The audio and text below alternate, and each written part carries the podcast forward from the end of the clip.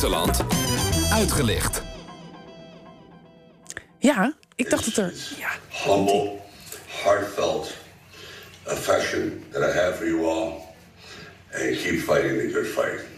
Take care.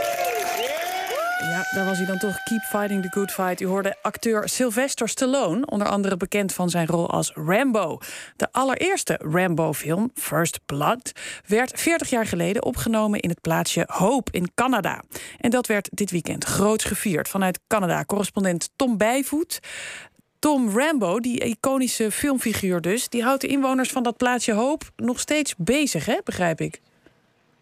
Zeker. Uh, Hope is een klein plaatsje van 6000 inwoners. Uh, 150 kilometer van Vancouver ongeveer.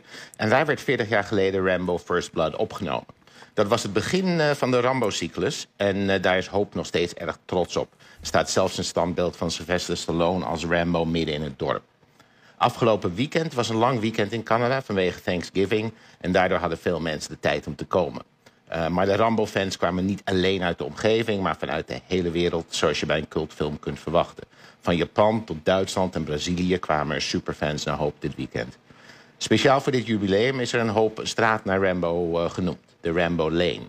En de feestelijke onthulling van nam afgelopen weekend plaats. Er waren diverse screenings van de film, binnen en buiten op grote schermen. Mm. Wandeltochten langs filmlocaties. En dan uh, ook nog een echte Rambo-stunt... waarbij een tank in de hoofdstraat van Hoop... over een stel geparkeerde auto's heen reed. Kijk, dat is natuurlijk het echte Rambo-werk. Waarom, Tom, uh, zijn die makers van die allereerste Rambo-film... destijds uitgerekend in dat plaatsje Hoop in Canada terechtgekomen? Nou, Canadese overheden zijn begonnen met het uh, stimuleren van de filmindustrie met subsidies. En bovendien zijn de kosten in, uh, in Canada een stuk lager dan in de VS. En uh, daarom worden hier veel Amerikaanse films opgenomen. Hollywood North noemen ze dat hier. En ook daarin is dit eigenlijk een soort van jubileum. Want deze film wordt beschouwd als het begin van Canada's succes als opnamelocatie voor Amerikaanse films. Uh, Brokeback Mountain, Fifty Shades of Grey, The Incredible Hulk, Titanic en, en zo kan ik nog wel doorgaan. Ja. Als je denkt dat je Chicago uh, of New York ziet, uh, dan, dan is het vaak Toronto.